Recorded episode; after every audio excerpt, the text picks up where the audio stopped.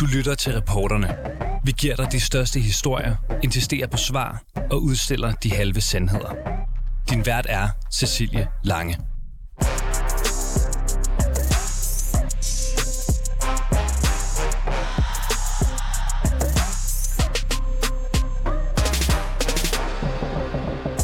I den syriske fangelejr Al-Rosh, der er omgivet af pigtråd, vagter med gevær, telbrænde, skyderier og bomber, der sidder der lige nu fem danske børn.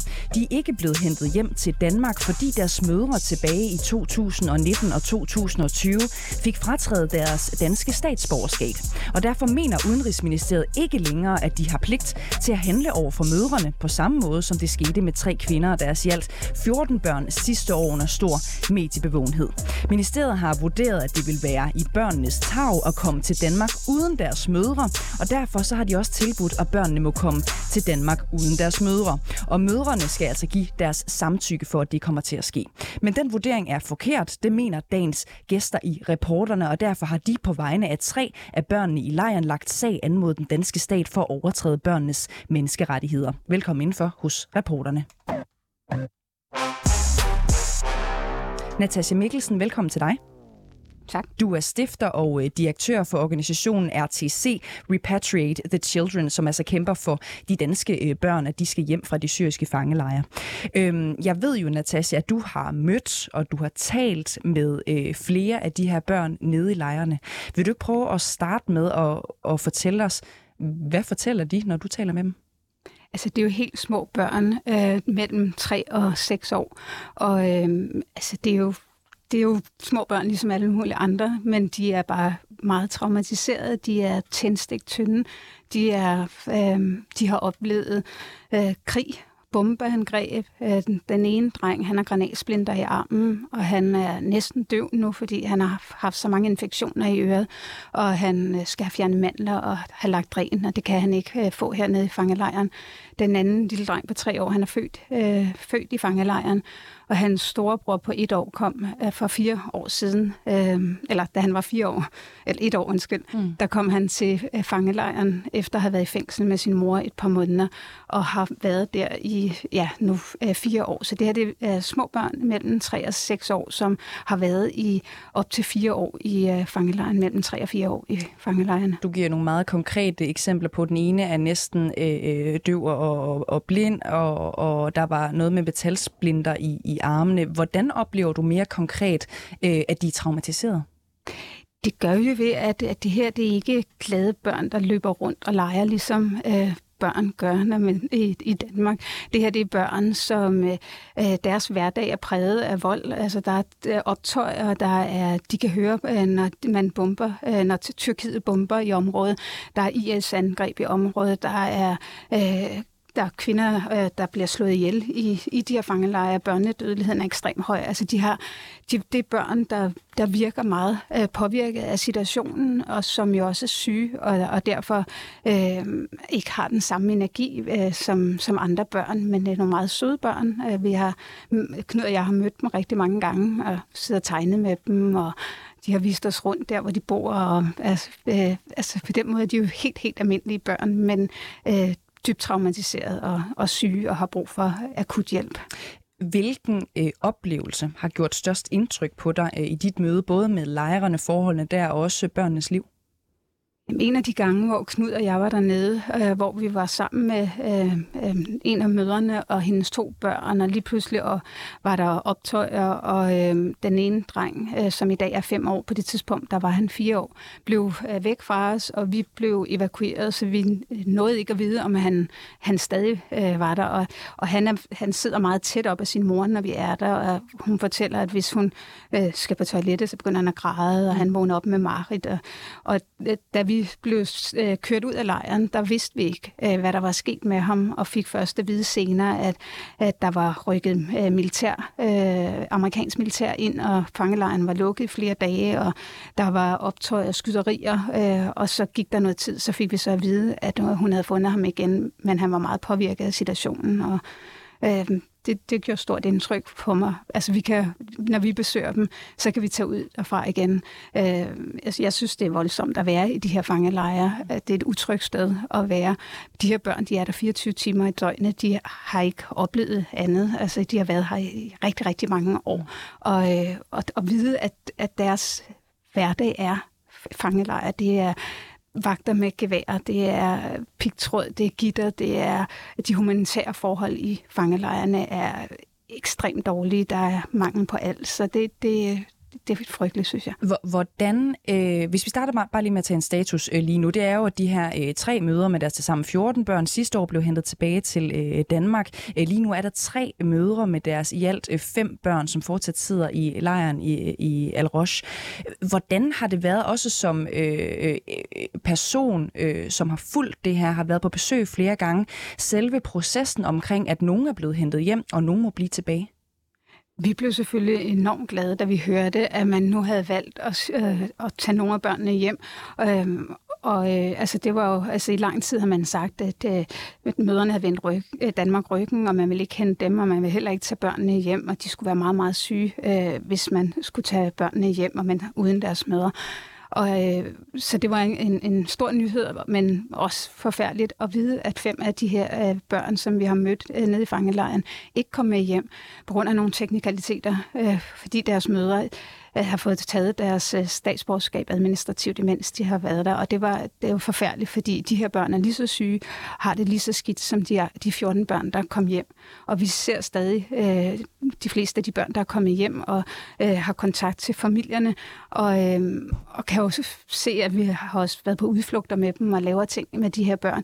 Og, og se dem i Danmark i dag, selvom de selvfølgelig er påvirket af at være blevet skilt fra deres mødre og har over, altså oplevet krig og, og fangenskab i mange år, så, øh, så er det nogle børn, der nu øh, kan have en barndom, kan have et liv, hvor de kan øh, spille fodbold og komme i skole og være sammen med deres øh, familier, som øh, gør en fantastisk indsats for de her børn. Øh, Udenrigsministeriets advokat i sagen, det er ham, der hedder Ras Holgaard fra Kammeradvokaten. Han udtaler, at hverken børnene eller mødrene har noget retskrav på øh, samlet evakuering eller hver for sig. Han siger også, at det er fordi, man vurderer, at mødrene kan gøre en sikkerhedstrussel mod øh, øh, Danmark. Jeg kan også allerede sige nu, vi har Knud Folchak øh, med i studiet advokat, øh, øh, som vi taler mere med lige om et øjeblik. Men jeg vil så først lige spørge dig, Natasha Mikkelsen. Hvordan har du egentlig oplevet det der med øh, de danske mødre og deres tilknytning til islamisk stat? Fordi det er noget, vi hører igen og igen, øh, og det er jo den store øh, øh hvad skal man sige, skræmmebillede af det, det er jo, at det her potentielle er terrorister. Hvordan har du oplevet de danske mødre og deres potentielle tilknytning til øh, islamisk stat? Altså, jeg har jo mødt dem mange år efter, at de rejste til Syrien, når de rejste til Syrien, da de var 16 og 19 år, og nogen har været lidt har været ældre, de har været i 20'erne.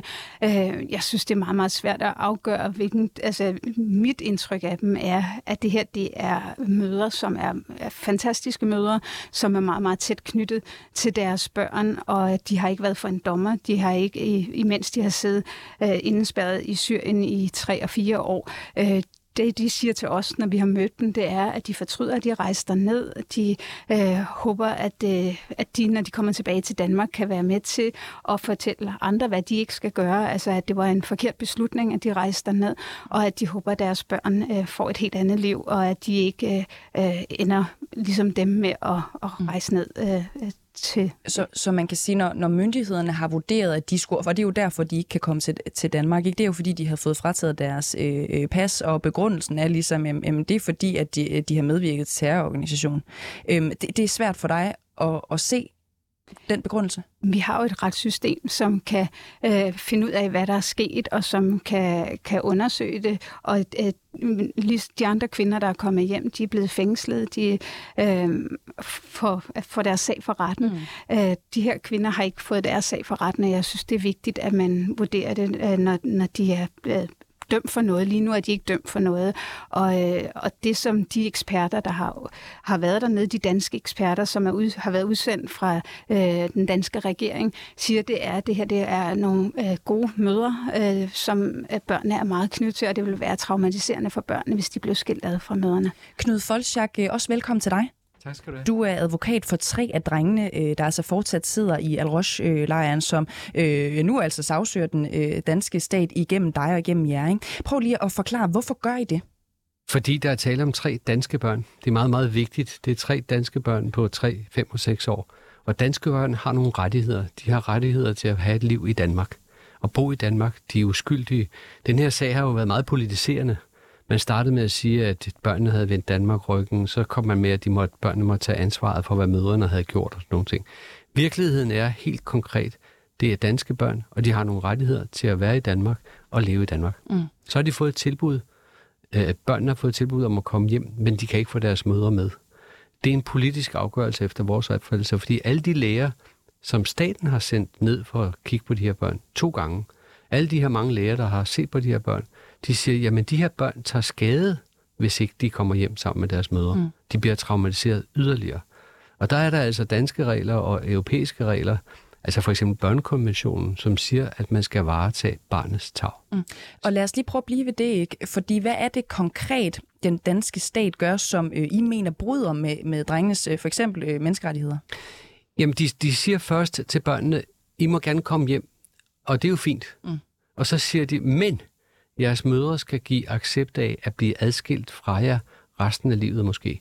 Og det, det, er, et, det, er, en, det er et krav eller et vilkår, som ikke kan opfyldes. Men for børnene kan jo ikke, for det første kan børnene jo ikke sige til mødrene, I skal sige ja til en adskillelse. Derudover, for nu at gøre det helt præcist, kan man overhovedet bede en mor om lovligt, som sidder i en fangelejr, og som har fået lærernes besked om, at børnene får det dårligere, hvis de kommer afsted uden mødrene. Ikke? Kan man overhovedet bede en mor om at sige ja til at sende et barn afsted, som får det dårligere? Det er jo ikke barnets tag, og det er jo ikke en rimelig, en rimelig krav. Og derfor er det vores opfattelse, at der tæller med et ugyldigt krav, og at det skal bortfalde, og at børnene derfor skal komme hjem sammen med møderne. Og inden vi taler videre med dig, Knud Folchak, så lad os lige prøve at høre et kort oprids af sagen om de danske børn, altså i de syriske lejre. Det kommer her. Vi er i det nordlige Syrien, ikke mange kilometer fra grænsen til Irak. Her opholder 10.000 vis af kvinder og børn sig i de to lejre, Al-Hol og Al-Rouge. Heriblandt danske kvinder og børn. De sidder fanget her efter islamisk stat i 2019 blev besejret af de kurdisk ledede koalitionsstyrker, der går under navnet Syriens demokratiske styrker. I 2019 vurderede PT, at mindst 158 personer var udrejst fra Danmark for at tilslutte sig militante islamistiske grupper som islamisk stat. Cirka en tredjedel er formentlig blevet dræbt under konflikterne i området. 25 personer med dansk tilknytning endte dengang i lejrene. 19 børn og 6 mødre. Mange er kommet hjem, og nu sidder der kun tre mødre med fem børn tilbage. Møderne blev i første omgang taget til fange, fordi at de efter sigende havde for stor tilknytning til islamisk stat. Men hvad har Danmark at gøre med at få dem tilbage? I den politiske debat er der uenighed om, om børn har haft krav på at komme tilbage til Danmark. Mange NGO'er har vurderet, at der er en stor sundhedsmæssig og endda dødelig risiko for børnene, og derfor skal de hjem. Men i 2019 vedtog den socialdemokratiske regering, at danske statsborgere, der havde deltaget i krigen i Syrien, ikke kunne forvente hjælp fra udenrigstjenesten til at vende hjem. Mette Frederiksen har udtalt, at alle fremmedkrigere havde vendt Danmark ryggen, og at ingen kunne forvente hjælp fra udenrigstjenesten. Det har især været et problem at finde ud af, hvem der kunne komme hjem, og hvem der ikke kunne. Tre af kvinderne har kun dansk statsborgerskab.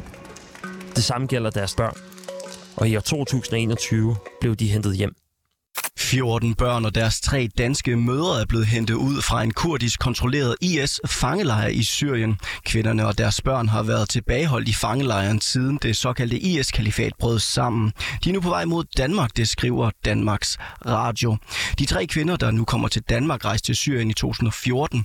Her levede de sammen med deres børn i en tilværelse under terrororganisationens strenge fortolkning af sunni-islam. Ni af de 14 børn er født i Danmark og drog sammen med deres mødre til Syrien, mens de resterende fem børn siden er blevet født i konfliktzonen. Efter ankomsten til Danmark forventes kvinderne at blive fremstillet i grundlovsforhør, da de allerede er blevet varetægtsfængslet in absentia. De sidste tre kvinder havde dobbelt statsborgerskab, men fik frataget det danske, efter de blev angivet som fremmedkrigere. De fem børn har stadig dansk statsborgerskab. Og den politiske holdning har her været, at børnene kun kunne komme til Danmark, hvis forældrene gav samtykke til, at de kunne adskilles er, Knud Folchak, når du kigger på den her sag og det øh, forløb, som har været omkring det, hvad er det så, du hæfter dig ved? At vi i 2022 på grund af politik, for det er på grund af politik, altså det er jo, som der bliver sagt her, tre kvinder og fem børn. Det er jo ikke en hårde eller masse mennesker. Det der, det, der skræmmer mig, det er, at vi i 2022 diskuterer om danske børn med dansk statsborgerskab på to, øh, på tre og, og, og fem og seks år, at de ikke skal hjem i overensstemmelse med, at de selvfølgelig skal have den rigtige behandling, de skal have lov til et liv. At de ikke skal ende med at blive eksilborgere og sidde i fængsler og i fangelejre og få smadret deres liv, og i værste fald ende med at blive radikaliseret og dermed blive en trussel mod Danmark. Mm. Virkeligheden er, at det er tre små børn, de er uskyldige, de er danske, de kan risikere at blive radikaliseret og blive farlige for Danmark. I dag der er det uskyldige børn. Selvfølgelig skal de hjem og have den rigtige mm. lægelige behandling.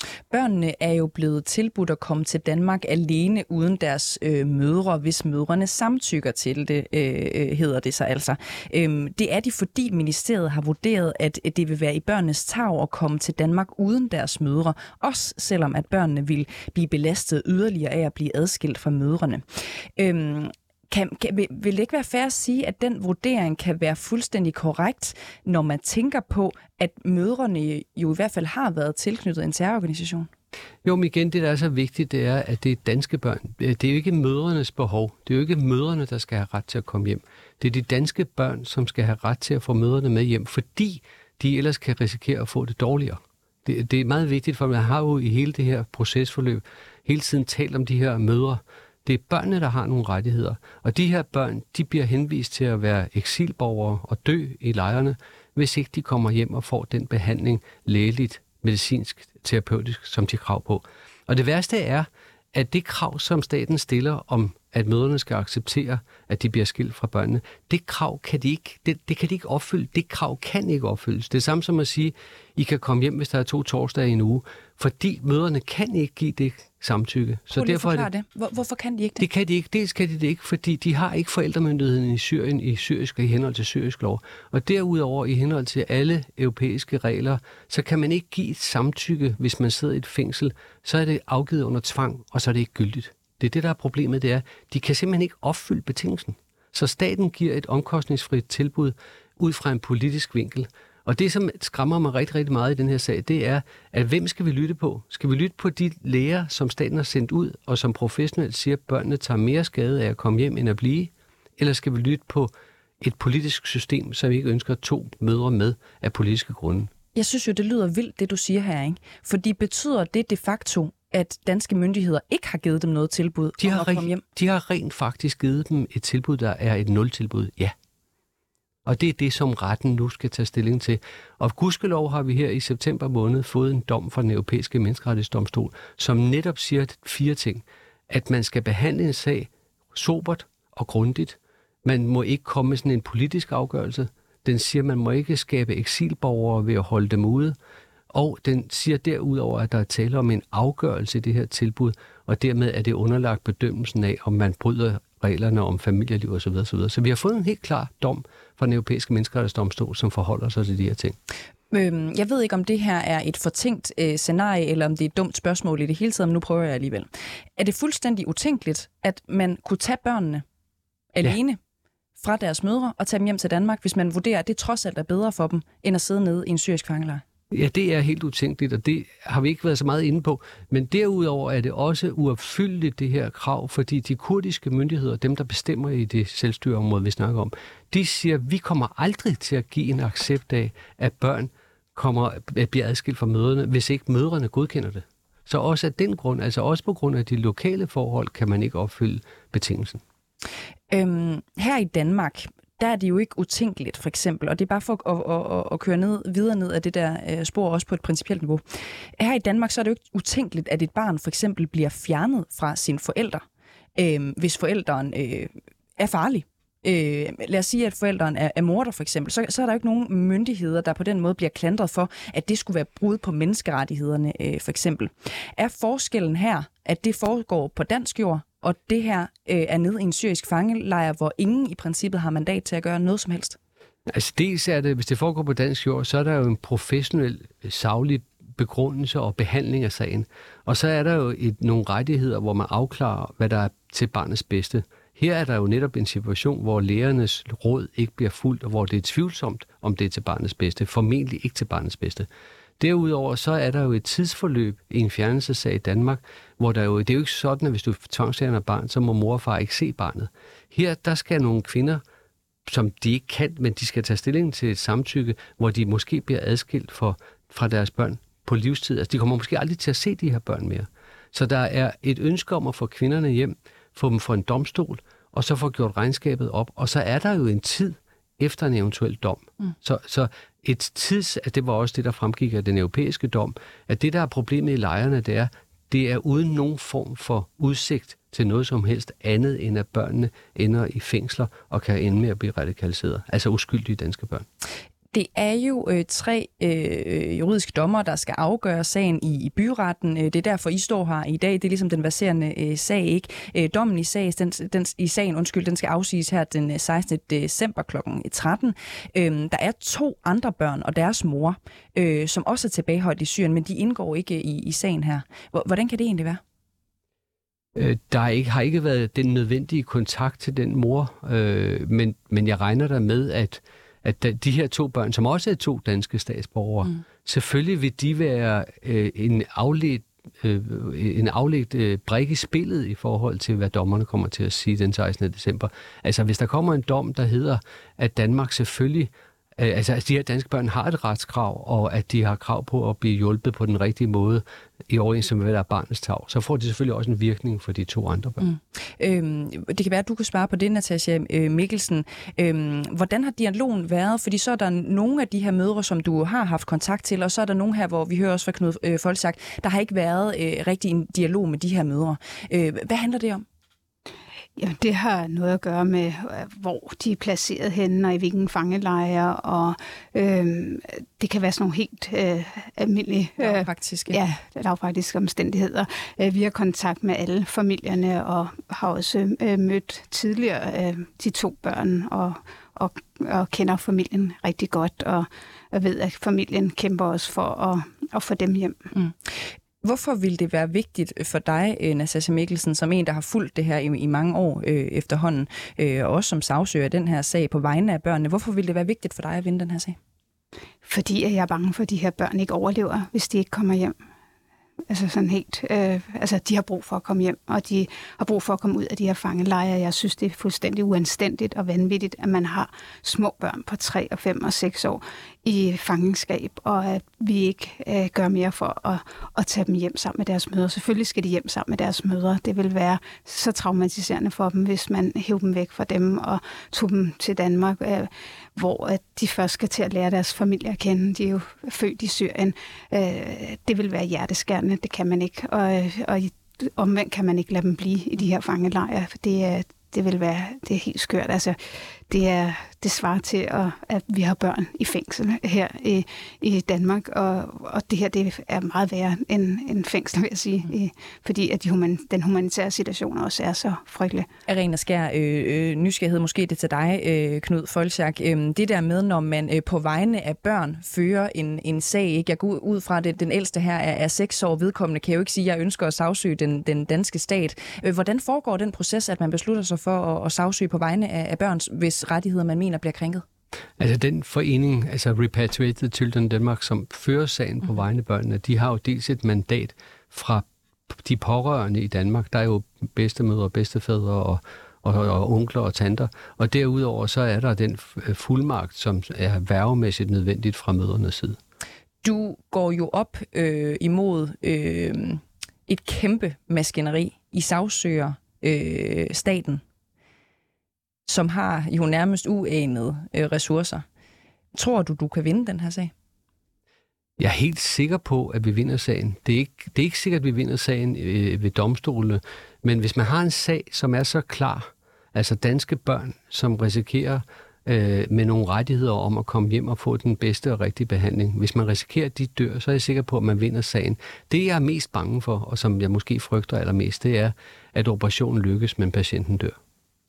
Tusind tak for jeres besøg, begge to, Natasha Re Mikkelsen og talsperson altså for organisationen RTC direktør, stifter også det samme er du i øvrigt, øh, advokat Knud øh, Folsager. Så siger jeg også bare lige her til sidst, at øh, vi har haft kontakt til Udenrigsministeriet, øh, og de kommenterer ikke baserende sager.